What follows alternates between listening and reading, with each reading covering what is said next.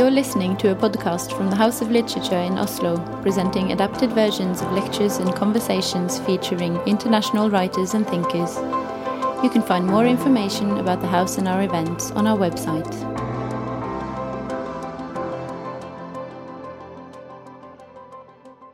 Welcome. My name is Linn Saltnes Rottem, and I'm the artistic director here at the House of Literature and I have the immense honor of welcoming you all to this event with Max Porter. It can be difficult to summarize Porter's writing in few words. His books is filled with so many layers and perspectives, told with both intelligence, humor, and vulnerability. And we at the House of Literature have been huge admirers of Porter since his astonishing debut novel, Grief is the Thing with Feathers, was published in 2015. Since then, he has written critically acclaimed and powerful novels Lanny and The Death of Francis Bacon, as well as the screenplay to the short film All of This Unreal Time. Now his fourth novel, Shy, is out, beautifully translated into Norwegian by Bjørn Alex Herrman. Like Porter's first two novels, Shy focuses on the questions of childhood and maternity and the complex layers between cruelty and compassion, between boyish anarchy and darkness. The three books, Grief is a Thing with Feathers, Lanny, and Shy, may be thought of as a trilogy, a loving lyrically study of troubled youth, grief, and boyhood. Shy is both a character study of a depressed teen and a portrait of a generation. It shows the protagonist Shy caught between intense sensitivity and helpless fragility. Porter's treatment of toxic masculinity and male violence is full of compassion and understanding, as is the depictive of the emotional laborers in Shy, whose work often goes unappreciated in society. Max Porter is hailed for his originality and compassion in his writing. Writers such as George Saunders, P.J. Harvey, and Mariana Enriquez have praised his novels, and no doubt due to his transgressive linguistic style. In Shy, the sounds, the smells, and the lyrics of the 90s are waved into Shy's dramatic monologue, creating a touching tribute to the 90s outsider culture, and at the same time creating a work that pushes the boundaries of the novel itself. Porter is also a former editor at Granta and Portobello Books, and tonight he will meet fellow author and editor Mattis Øybø on stage. Please give them both a warm welcome.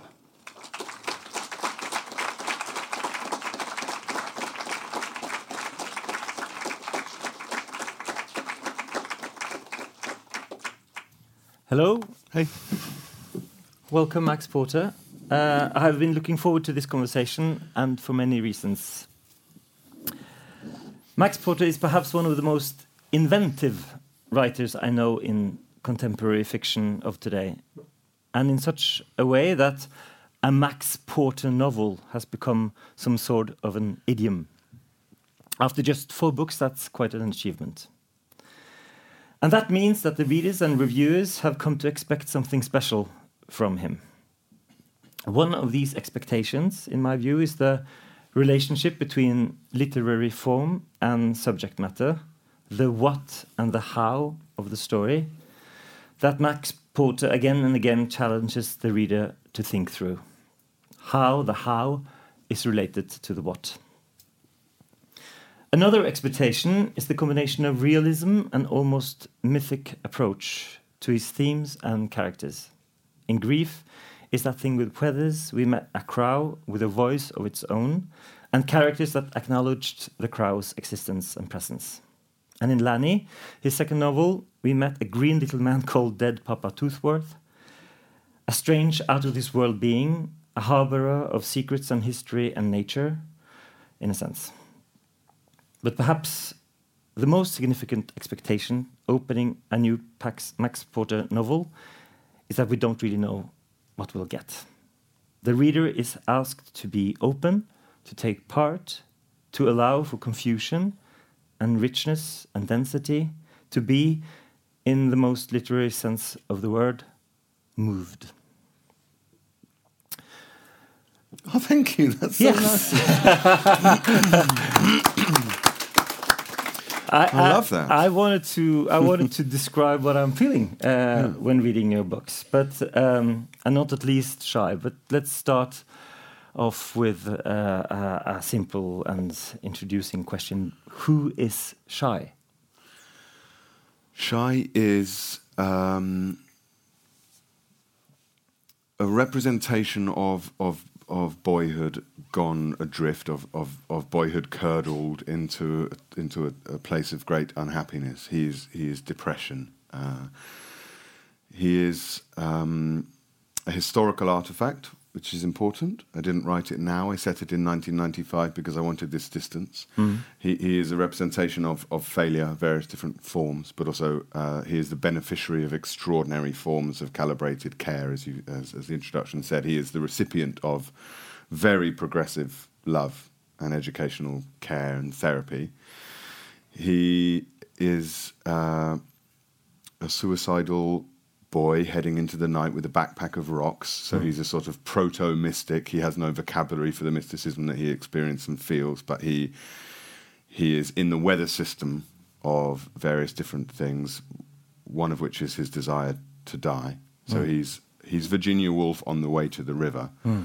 Robbed of Virginia's ability to be eloquent about how she feels. He is all noise, all rage, all pain. And his despair is linked to his joy, his love of this music, drum and bass music. Um, he's, na- he's nameless. I don't do much exposition. I don't tell you what schools he's been expelled from or why or his relationship with. The, it's all for you to do. Yeah. So he's a sort of uh, he's a blank. I had a dream a while ago, and I don't tend to use my dreams to write. Uh, but various things had stacked up, and I'd written a version of this book where he was a 14th century medieval uh, manuscript illuminator. Okay. but the same boy, very unhappy, but railing against God in that instance, um, and the and the the commissioning models of of, of uh, illuminated manuscripts. But he was the same person; he was still as unhappy. But I had a dream uh, that there was this boy in the woods who was see-through, and the membrane. I'm very interested in membranes, literary membranes and actual membranes. The membrane, uh, uh, like a cellular membrane, as the life spark, where the mysterious animating force is that makes something alive as opposed to dead. And I had this dream of this boy in the woods who was see through, and into him was pouring the politics of the time. He was being bombarded by the ideology of conservative Britain, but he was also the animals around him hmm. and the speed of, of, of phosphorescence or osmosis. He was nature at the same time, and I wanted to, I wondered what it would be like if someone didn't know that they were that. Hmm. If we or, or if we were gifted with a sudden real uh, a sudden understanding of of non-human time as it acts upon us. Hmm. So simultaneously the smallness of human life, but also the grandeur of it. Um, so I went from that moment. And this book I wrote fast. It came out in a torrent. How fast? Eight minutes. no, I mean I really wrote this book in a. In a in I'm a- curious. How fast do you I mean, a a couple book? of weeks. A couple of weeks. And then I edited it very, very slowly. Hmm. I wrote 20,000 words, which is what you have now, more or less. And then I wrote 20 more, which was the mother. Hmm. And then I wrote 20 more, which was the teacher, hmm. Each in different time scales. And I had a triptych. And as you'll know, I love the triptych as a mm. form. And then I tried to shuffle the triptychs. I thought it was very interesting if the reader was plonked on very unsteady ground. Where am I? Now I appear to be in the 2000s. Now I appear to be in the 70s. Now I appear to have not had a child. Now I am that child. I've played with this. And I thought, what I'm doing here is trying to make this, I'm, I'm, I'm padding this book out to make it big, because my agent had said, can we have a big book? Um, Please. but, and then I realized that the bigness wasn't, of course, in the extent, I should have known that as the hmm. author of Grief is a Thing with Feathers, the bigness of a book is not in its word count, it's in the gesture. So I realized the gesture was that boy hmm. alone in the night. And so I went b- back to the original 20,000 words, and then I listened to the extraordinary archive of 90s drum and bass and jungle that you can find on YouTube, which you must, and, and edited it again at that tempo, at that BPM. So the whole book judders and bangs along uh, at the sound of the music in his head. So you listen to the Amen break. The Amen break is really important in this book, and we talked about it upstairs. It's I think it goes like something like this. Isn't that the Amen break? No, no, no. It's more like yeah, no, no, no. yeah, yeah. Yeah, it is. But it's yeah. So it's, it, was, it was a drum. It was a drum break from a Motown record. Yeah. Um, that when sped up became the, f- the the formation, the building block of, of drum and bass. Um, but tell them the poignant story because it's good, Mattis. But you know the the the Solon story, the the, Yeah. the stealing of it. Yeah. No, well, um, this was this was um, It's a good story of it's a good story of capitalism. i- A, i- a wicked sad ways. story of Yeah. capitalism because this was a a Motown record, and these guys were just giving it away when the sampling sampling. Um, revolution came to modern music they uh, these uh, guys would just give it away just use it it's free culture is free and then some clever guy put it on a licensed CD, and then everybody else had to pay for it. So the guys who made the break, they didn't get any money, but the guys who were clever enough to put it on a licensed CD, he earned all, got, all the money. So it's a it's a sad, sad story. I thought about an epi- uh, I thought about an epigraph that was the famous quote, which is often sampled of "Let's give the drummer some." Um, Yeah. but drummers drum. You know, this is the thing. You you aren't you aren't you aren't drumming to to to be rich. And um, one of the things that I find extraordinary about the history of culture is that the the invisibility of the of the interpollination between different forms, and I find that uh, terrifying and exciting. Yeah. Um, so the idea that this teenage boy in 1995 is feeling, he describes it as this uh, divine intervention of God, which is which is made by drum machines and samples and drummers, but is in fact uh, is in fact Hallelujah. He says, "Rain the drums down on me." This is God, God who is a bouncy bastard who wants us all to be happy in the dance, and one of his techniques for that would be spring. One of his techniques for that would be love. One of his techniques for that would be drum breaks. Um, that is how Shy accesses an elevated, ecstatic feeling. And I ve- feel very strongly that that should not be divorced from, should be organically connected to his his rage. But- and that music is still extraordinary. Those of you, the, all jungleists in the place, will know that, that that is still. It still sounds like the future. That music, it, it, it, it had a, it had a, it it benefited from sudden advances in music, digital music technology that meant that it sounded like a new sound, and it still does. I think it's still a wonderful sound. But uh, to come back to Shy and his despair, because the music that you so you describe with such hope and such light now, and which is his hope and light in a way, uh, it's not enough. When we meet him, he's this troubled kid, as you said, with a rucksack full of stones. He's about to commit suicide. That's we get that really early on. So I know I'm asking this. I'm I'm not sure you want to answer it, but I'm asking this deliberately. Why? Why is he there? What's eating shy? Because the question of Yeah, why. I, don't, I, don't, I, don't, I don't want to answer that. no, I just don't. You're right. well, what's eating shies? uh, If we were to begin to sort of piece it, piece it together, right? Because I have been, I have known shies and lost shies and worked with shies, and I work with young people at the moment. One of the things that's happened, I think, with shy, which is uh, it's very one of the reasons I didn't write this now and sort of essay upon the condition of teenage unhappiness from the safety of a 42 year old man raising sons is because uh, the framework now is neuro, you know, is neurological Yeah. Or, or, or even diagnostic. Whereas maybe even 10, 15 years ago, it might have been psychotherapeutic or, or before that, probably Freudian.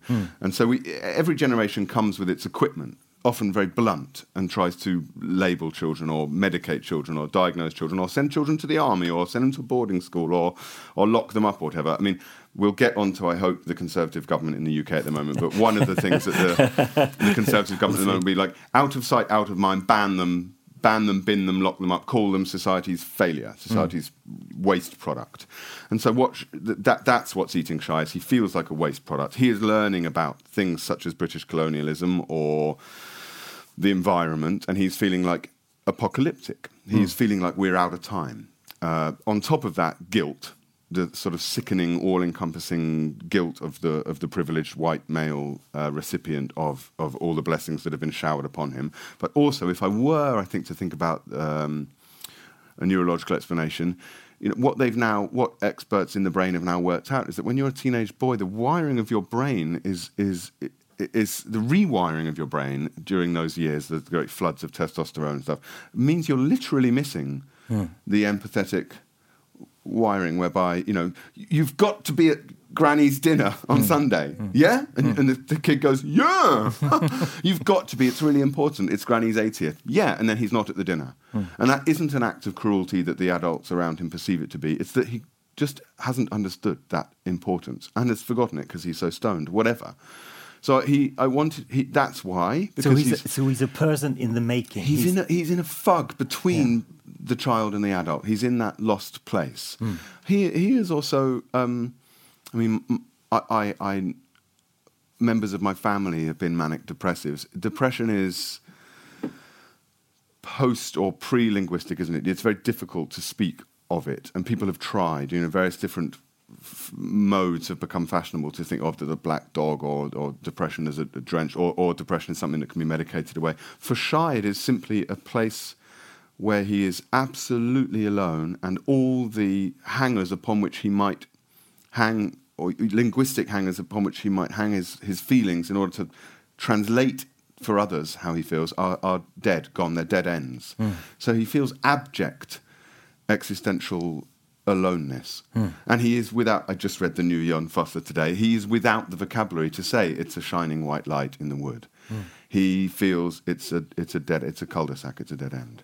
And I think he also, it's, it's, it's important to think some of the people I spoke to who felt suicidal at that time, there was an excitement in the act, the taboo of taking one's own life. Hmm. I think because of the kind of the legacy or the, the sort of residue of Christian thinking on it, that it is a crime, that it is a waste, holds some allure for someone like Shy. It's like, fine, I'm going to waste it. So it's it's it's this moment. It's Seattle grunge. It's it's the first sort of it's it's he, one of his friends in a house is a metal. head. you know, it's it's um it's self it's self harm as a cultural phenomenon and waste as an indulgence and as an excitement uh, and almost as an erotic charge that everybody fixates on on preserving and maintaining and progressing and growth and you, one day you'll get a job and you'll go to university. And so hmm. the what that does is then fetishize the resistance to say actually I'm going to blow it all up. Hmm. And and some someone says that in 2005, Shy, you will look back on this and hmm. see uh, you just turned mm. just turned the page. You were just mm, there, mm. almost there. Which is such an insightful thing to say when you've done it, Yeah. and such a useless load of old shit when you're in it, right?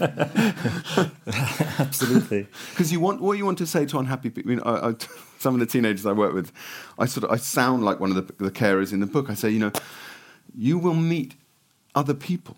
You will travel to other places. Your entire way of understanding this world, or your sense of belonging in it, will change just on a, on a you know from Monday to Wednesday. Fuck off, Dad. You know, like it, it, it, it's futile, and that's why I wrote the book as I did. This collage of different voices because I want you to be simultaneously. So there's this bit where you are simultaneous. There's these chunks of text across the page, like this, Yeah. and I did it so it actually is in the margins of the book. And it's you know, do you want to break this family apart? Is that what you want? Would you choose to do this? Some people don't have the luxury of a nice mum to speak to. Wow, here we go again. Don't you dare walk away. Come back here. You know, and and I, and that is simultaneously the mum's absolute failure to find any language to reach him, and it's what he hears, just this wodge, this this this thick leaden clump of parental anxiety that means nothing to him. But so it's about the failure of language in that regard. Yeah, but it's mm, a lot of the teachers are really compassionate. A lot of the people around him are really compassionate, and and I I sense that you have. And his mother is caring. Uh, He she loves him, and his stepfather maybe doesn't. He he loves him, but he's not. Maybe he's not the most um, uh, thoughtful person, but he he seems to have. Uh, what we would call a network of people around him, Uh, so he could uh, thrive and and grow and Hmm. Yeah, yeah, but why But But that the- frustration is so central to the whole thing of raising an unhappy person, uh, or indeed to addiction of any kind, or depression. Because she says to him, We live in a nice town. You're a nice boy. I'm a nice mum. Everything's great. You've had all these blessings. Why do you want to take these drugs that, that, that are for medicating pain? What, what, what pain are you in? He doesn't. He can't say what pain he's in. Actually, I watched a brilliant movie. Oh my, I should say this. We're in Oslo. yes Oslo, August Yeah. 31st. 31st. I mm. thought that was a masterpiece. Mm. And I wrote, I, I watched it recently. I watched it after having written this book. But the fact that it starts with him in the lake with the stone and, and gets you no closer to how the pain he's in, all it does is, is watch. All it does is stand with him during mm. that pain. And the futility of the, the, the kind of narrowness of his escape or not. It doesn't matter whether he dies or not, right? Because the point is that he has taken the risks whereby he might have escaped and, and hasn't. And I find that very interesting on a spiritual level as well as a practical one. And I think uh, uh, that movie also, in a sense, uh, says something also a bit taboo that it respects the choice of the suicidal person, Yeah. And which is and that was music to Yeah, my yeah. heart because mm. I very much respect Shy's feelings, mm. and I think also every love story is a ghost story, and I really feel that one of the meanings of this book is that Shy might.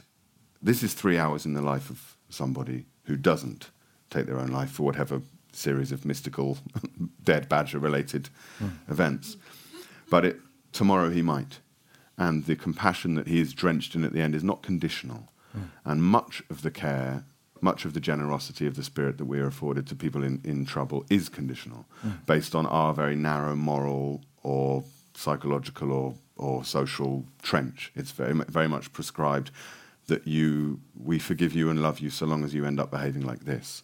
And so he is. Uh, uh, I I love the wording in the introduction about the counterculture. He is. Um, he is the forgiveness built into the into the the love of the other.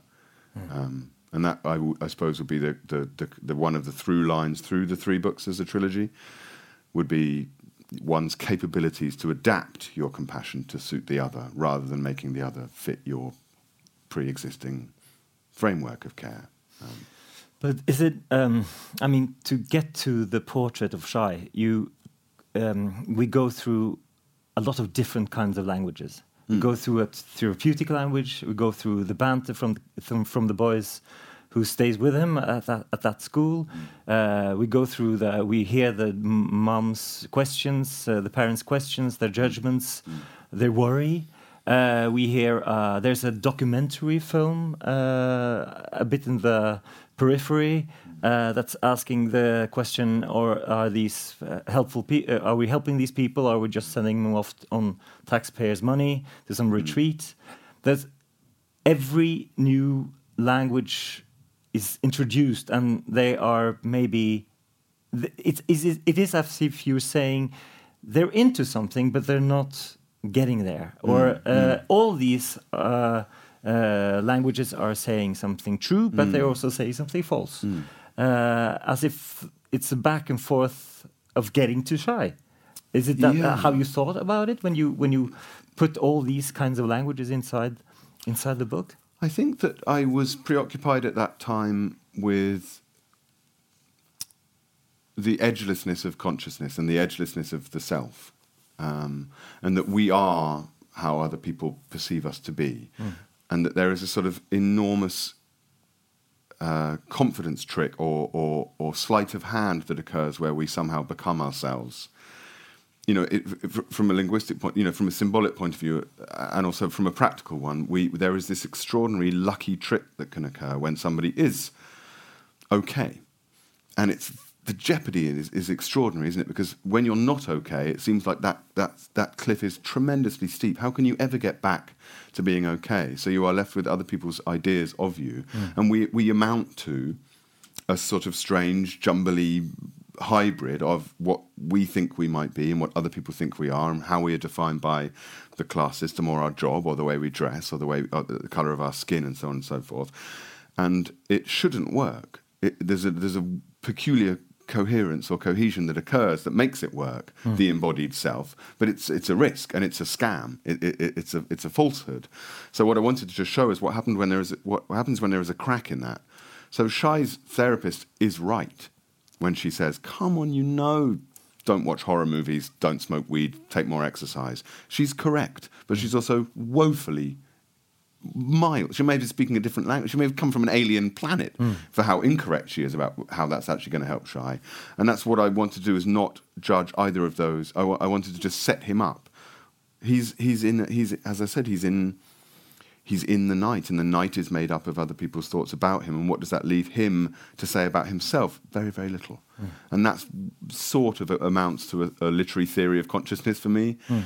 Because it means that other ghosts can slip into him, um, tiny little accidents of consciousness can occur. So he is haunted by someone he's never met, never even thought about, that lived in the room 30 years before him. He might equally be haunted by his great great grandson. That, that, time, human time, and deep time are, are woven together in a way that he is completely unaware of, but ends up saving him. Hmm. And that's just a tiny mystical accident of the night, um, which I believe, uh, that will be my, my supposition, is that that happens to us all, all day, every day. Um, the, the sort of high stakes nature of having a mind, the sheer strangeness of it. Um, is, is, is seals our fate, you know, as well as our as well as the, the miraculous capabilities of community or care or love. Or we have to hear you read a bit, uh, Max, because um, I think a lot of the things that we're gonna uh, get into a bit later is about hearing you, and perhaps also I have asked to get to see the text that you're gonna read because of get how your technique, how your method, how you how oh, you're doing yes. this. Oh yes, here we are. So I have I have given Max an assignment. He's he's is about to read three pages I have uh, given to him. And I'm very polite English yes, author who does what I'm told. Shall I read from here? Are, yes. we, are we happy? Can everyone see? He thinks of the time in year eight when he was walking home from school across the rec and he had his head down, scuffing the grass, talking to himself, unself conscious, interviewing himself about why he'd like to play the part of Joseph in Joseph and the Amazing Technicolor Dreamcoat.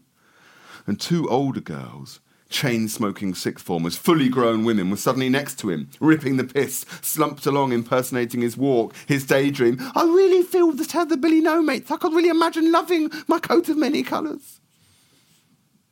He plods along, heavy footed, alert.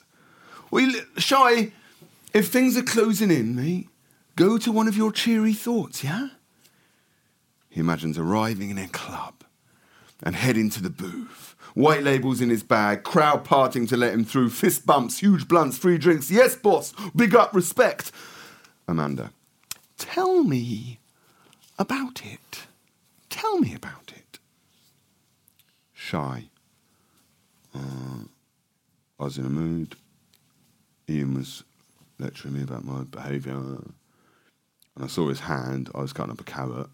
And before I know it, the knife is stood upright in his little finger. And everyone's angry with me, God knows why.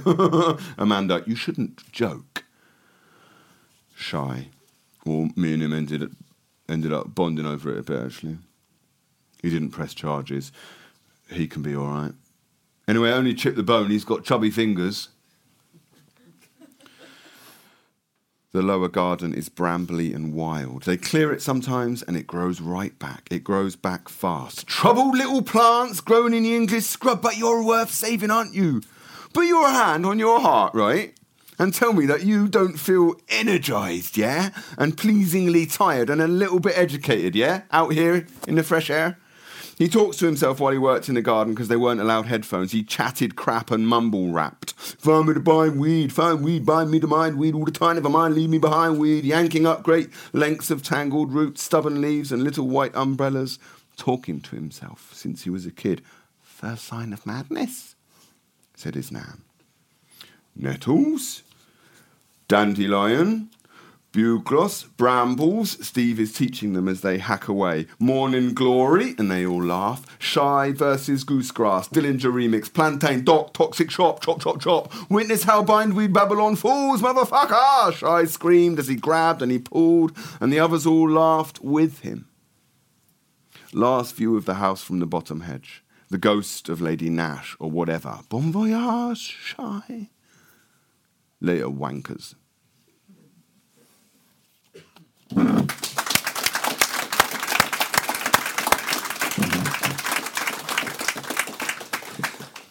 It's so it's so interesting and great hearing you read, um, and I think it's um, important because we are not only reading your novels as readers. We're not only reading; we are also performing the novels in a way.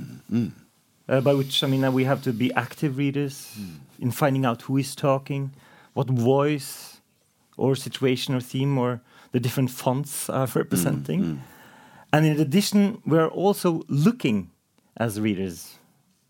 Pages are a form of your pages are a form of visual art. So you have s- shown the the wall of uh, questions. that uh, you showed us, uh, and and I I wonder what these kind of and there's a kind of a poetry reading here uh, also.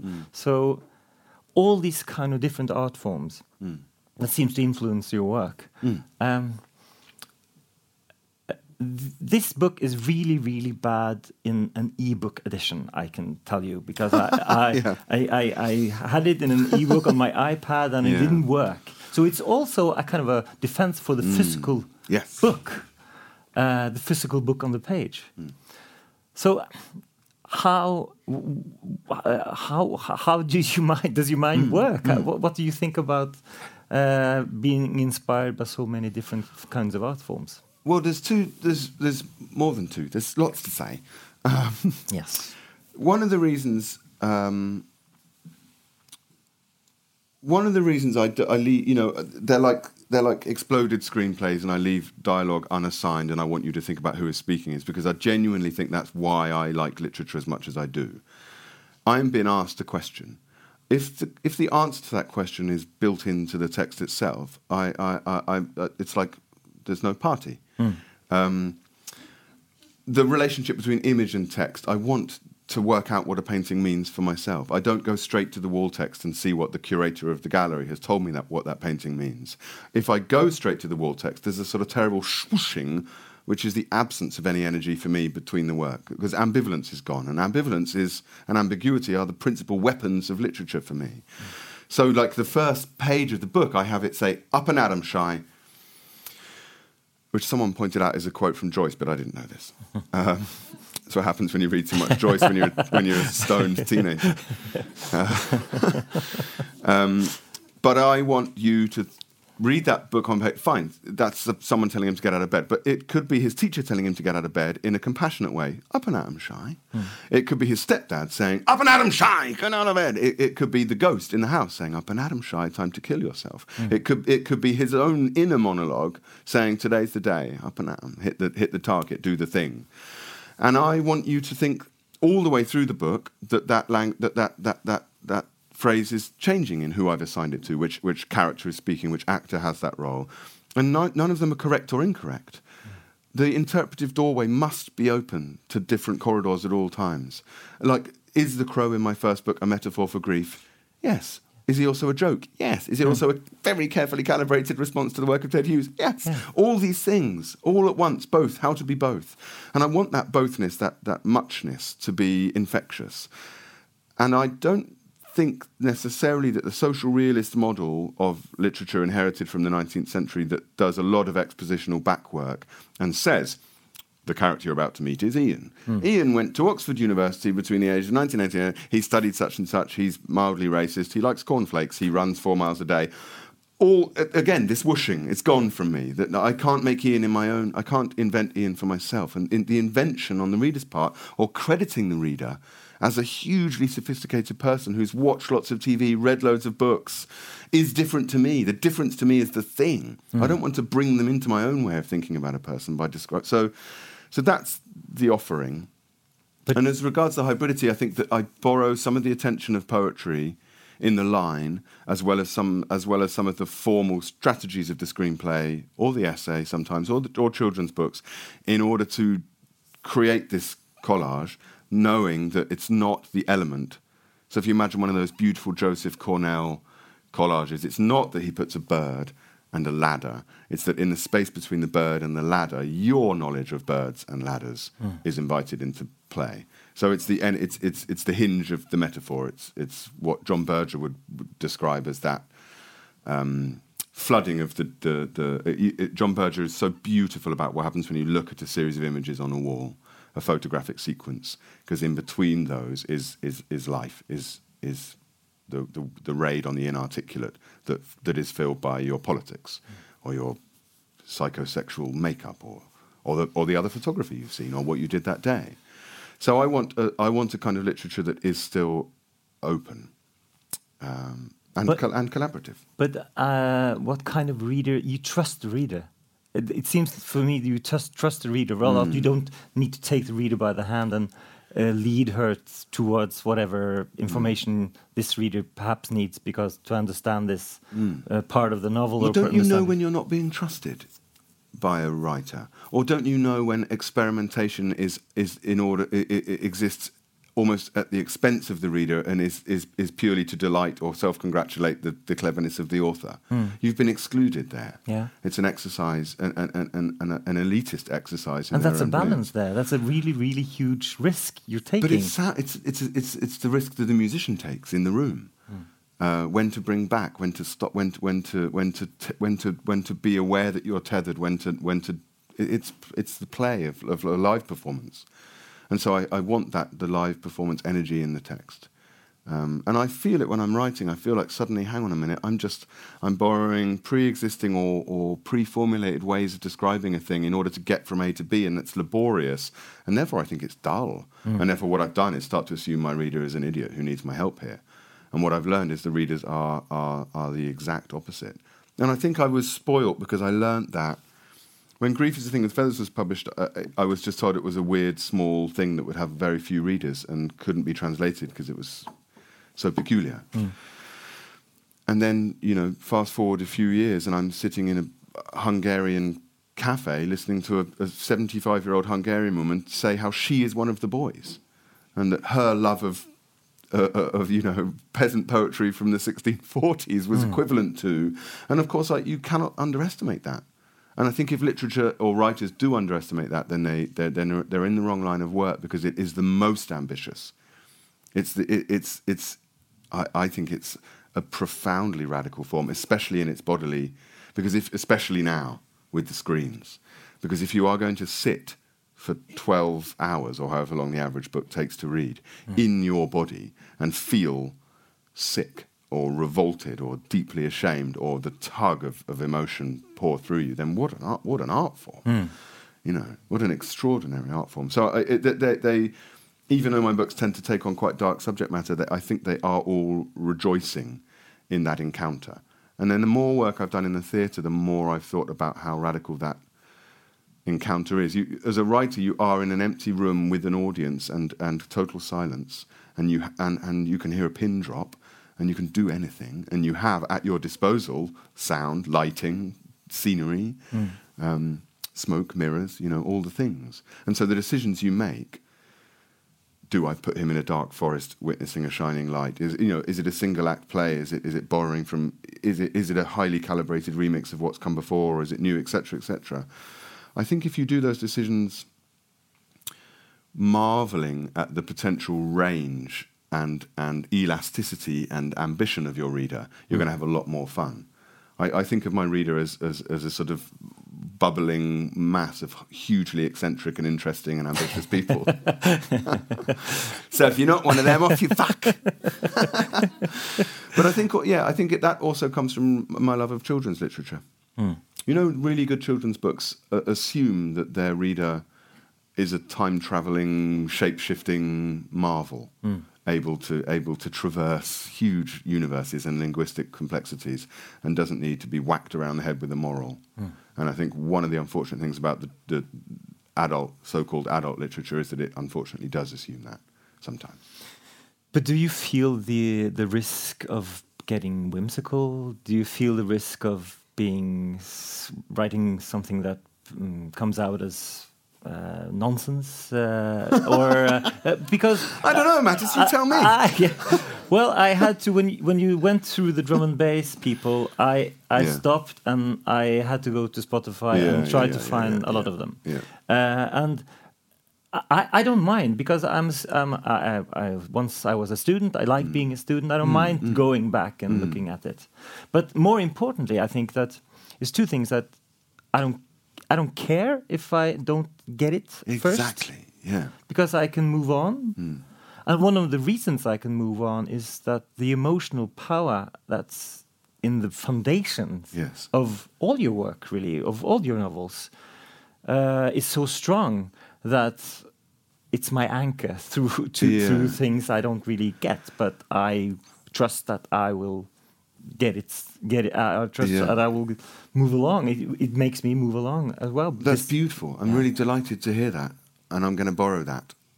good. because it, it, because if there is an emotional propulsion, and it doesn't that doesn't necessarily mean it's cute or pretty or, or, or sentimental or nice. It, the, it, the emotional propulsion might be pure horror, abject unease, whatever. It, th- there is when you are in the marshy ground, you are getting wet socks in my books. You are not sure what the hell is going on. There is there is a path. There is a plank of wood that that, that will be there after a few more steps, and that's important to me. I, I think that I suppose it's what I mean about ambivalence. So, you know, like those wonderful, the, the Border trilogy by Cormac McCarthy. I remember my brother saying to me, Are you translating all the Spanish? You know, when he's in those books, there's these great long sections where he's sort of sitting out eating refried beans with Mexican ranch hmm. hands and they're speaking in, in Spanish for long sections. Hmm. And no, I didn't. because the emotional propulsion of the book was taking me forward. I loved those boys. I loved that setting. I, I, I could take the occasional word and understand that they were talking about the cosmos hmm. or horses. Um, same thing, of course. um, so I think if, if what you've got to do is A, not go too far up your own arse and, and, and, and like the sound of your own voice as a writer so much that it's all um, sort of highly, highly nuanced rabbit holes of my own interests and cleverness, because then I've excluded the reader. But also not resist the temptation to trust that the reader will, will come with you. So long as the, the, that's why I'm so fixated on structure. Because I think if the structure, if the architecture of the book is strong, the nocturne or the triptych or the overheard village voice in Lanny. That, that it, it- that's why I can't really start writing until I have that structural solidity, because that's what I know will will tell me when I'm when I've gone too far outside. You know, when I've been hmm. wanging on outside of it, because it is my tug, it's my it's my forward movement. But I mean, the, a different writer. You've written about grief. Uh, you've written about uh, uh, a man and two boys losing the, uh, his wife and their mother. You've written about Lanny, who is a, a brilliant, special boy going missing in a, in the countryside. And now you write about a boy on his way to take his own life.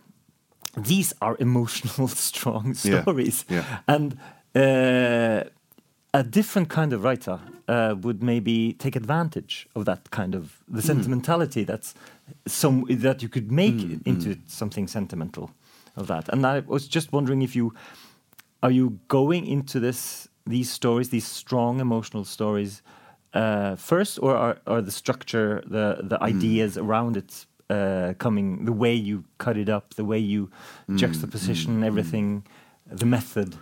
Uh, No, I don't think so. That's how I write, and that, and, that, and, and and it won't always be that way, but it is.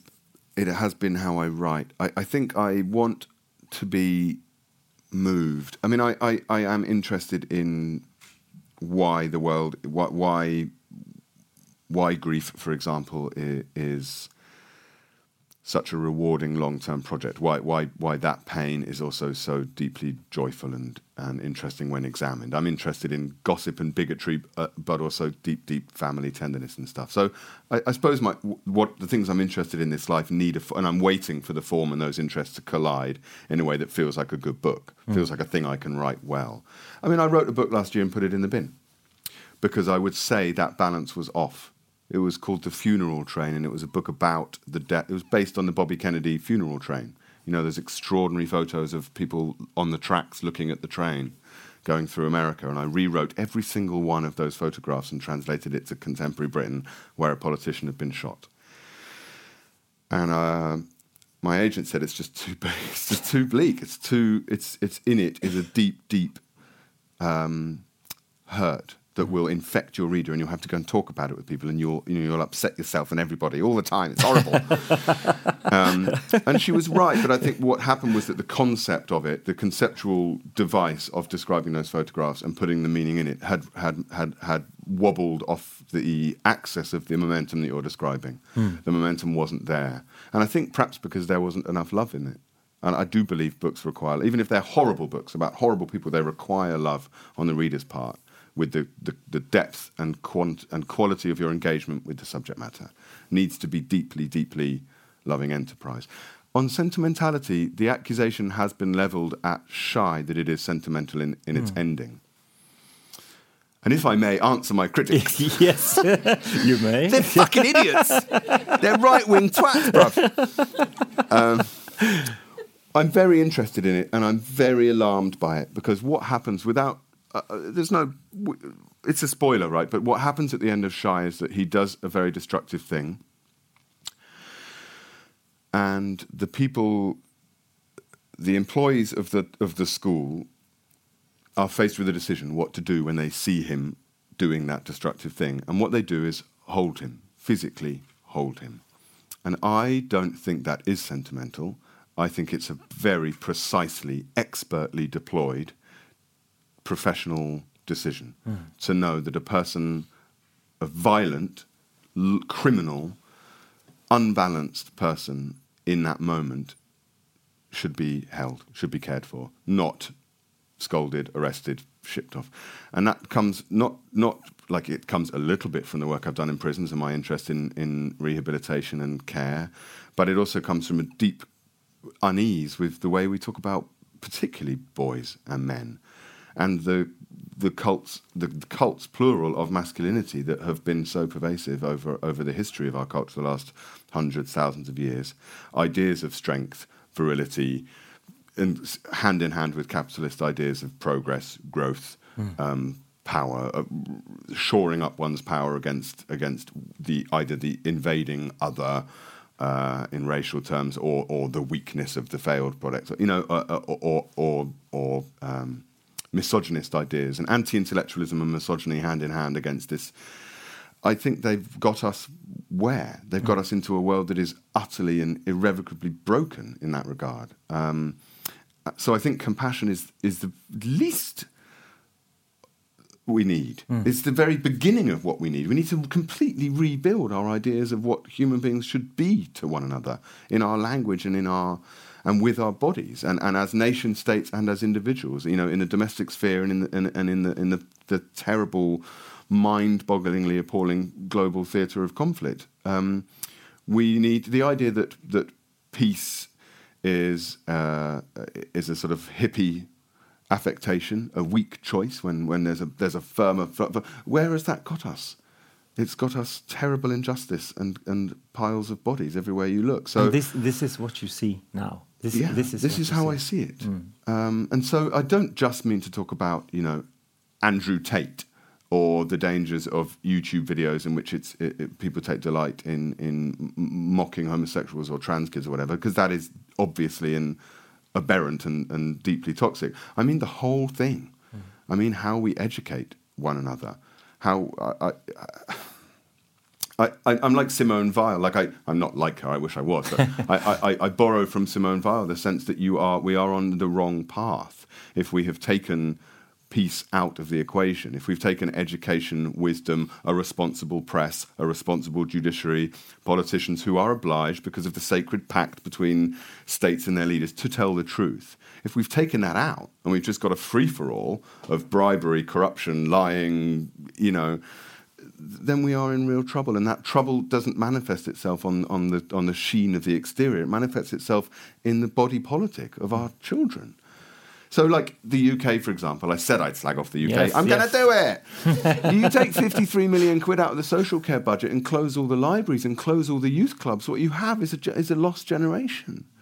I don't know if anyone saw the Mercury Music Prize when the Ezra Collective, fantastic British jazz band, the Ezra Collective won the prize recently, and he delivered this terrific speech. He just said, "It's no accident that we ha- that we we didn't just stumble across saxophones and trombones on the street.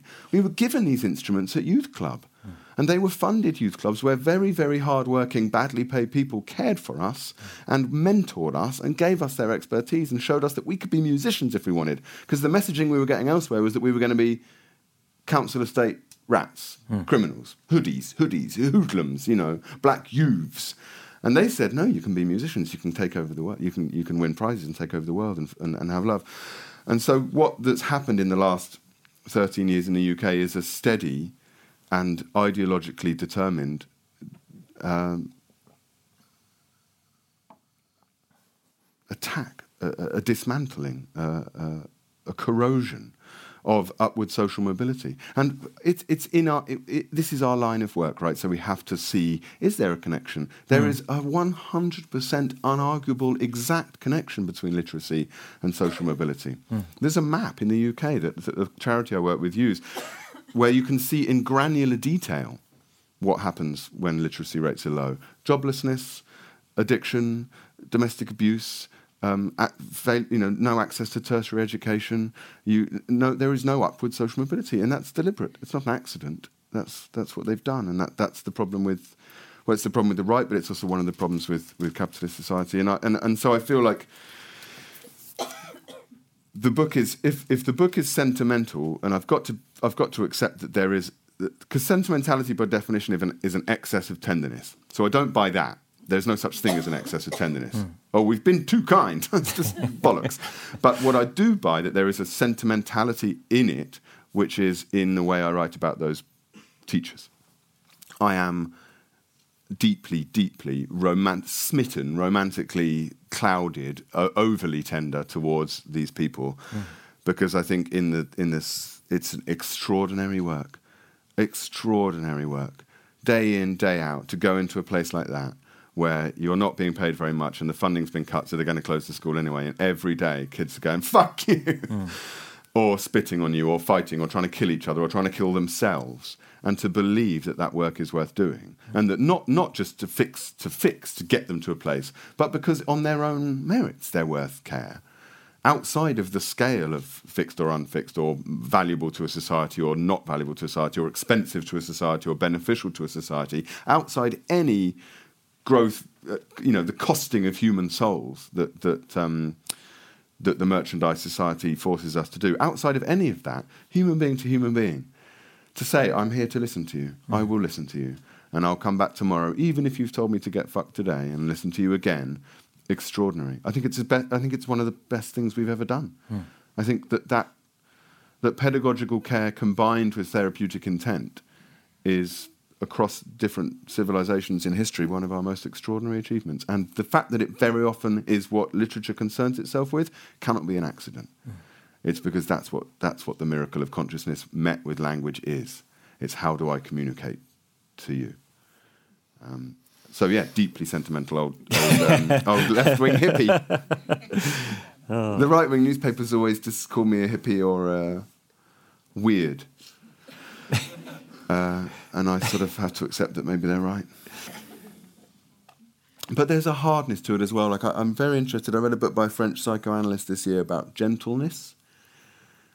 Uh, very, uh, very similar to Simone Weil in some in some ways. But um, and in fact, the work. While I'm I, every every conversation I have in this city, I have to talk about my favourite writer, who is um, Tarjei Vesaas you're great. You, you all have to study him at school and think he's boring, but I think he's the most radical dude ever lived. and uh, there is something there. There is, there is something in the careful observation of, of human beings in, in their relationship to nature um, that, it, that feels to me um, miraculous, but that also gentleness isn't the weaker choice. It isn't. Um, it isn't a less useful tool. That in fact, gentleness might be um, strength, deep, mm. deep. That, that, that, that, there is a sort of unbelievable force uh, in, in Weil's formulation. That there is a force at work in in the decision to use gentleness when you could use violence. That is potentially world changing. It's like the great Louise Gluck quote about war. What if war is just men um, dressing up because they're too afraid to talk about their emotions? um, and so I think that that is that is a valid and and sentimental definition of, of why I want to write. Um, we're soon finished.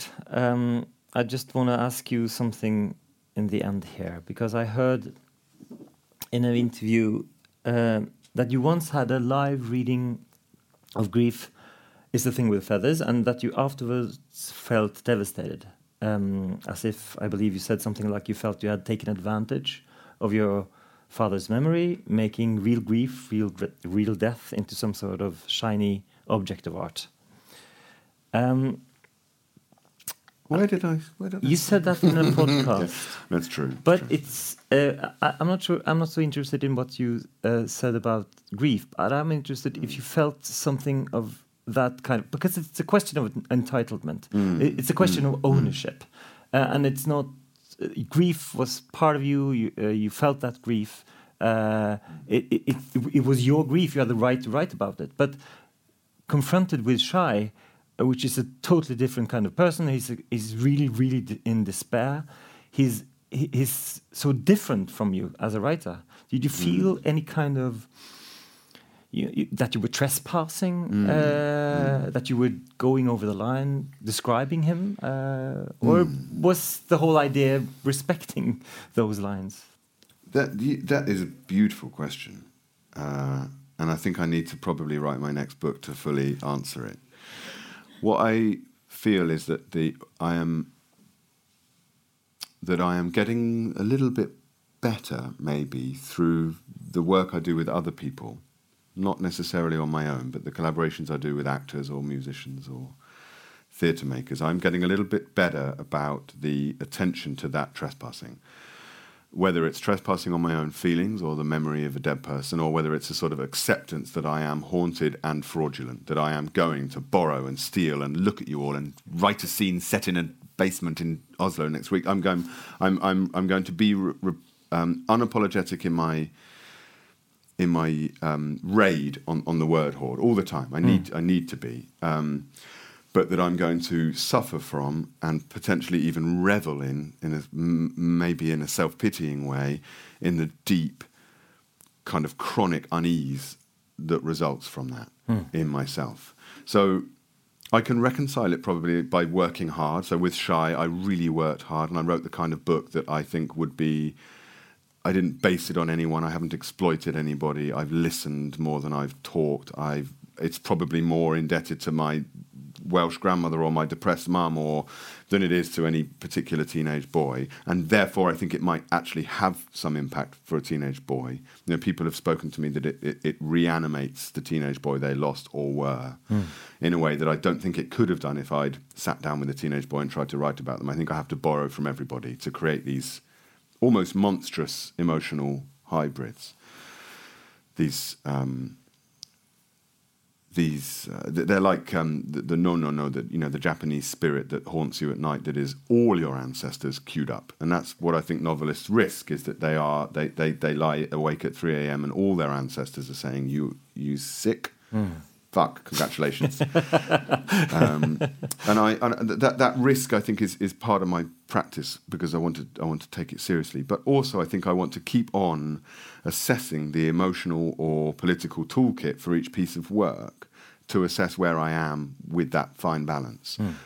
You know you can't use the same tools to, to, to, to write a new story. And so I think what I would do is is ask and also can I take um, I think my next book won't be uh, a book that people will queue up and say the kind of emotionally charged things they say to me about grief or shy. I maybe need a break from it because I feel like I've, I've, I'm slightly saturated with everyone's pain, which is an honour. I mean, I'm, I'm honoured and humbled to be so to be privy to such stories, but I think it's potentially also killing me.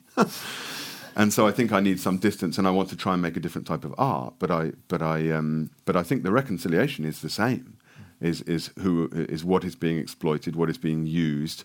How can I? Who am I? Who am I standing naked on a stage and saying I mean this to? And is it ultimately to myself? Hmm. Because the the current environment of writers being cancelled for saying the wrong thing or the accusations of cultural appropriation or whatever, that really that that, that the, the that really should be happening and should have always been happening with every writer for every book forever. Hmm. Are you using someone else's story for the right reasons? Are you careful and attentive when you're borrowing something that you don't know anything about? Or are you trying to inflict little wounds, which is valid? Are you trying to hurt or shock? These are all valid strategies. So I think all I've all I've learned from this one particularly is what are my strategies? What are they trying to achieve?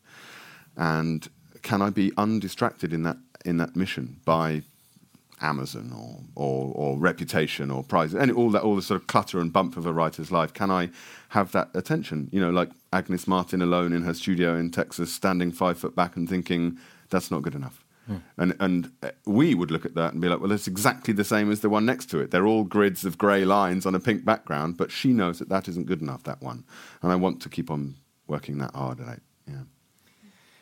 We're looking forward to that, Max, and thank you. Thank you. Thank you so You're much. for your such a good interviewer. It's marvelous to talk to you. Thank you.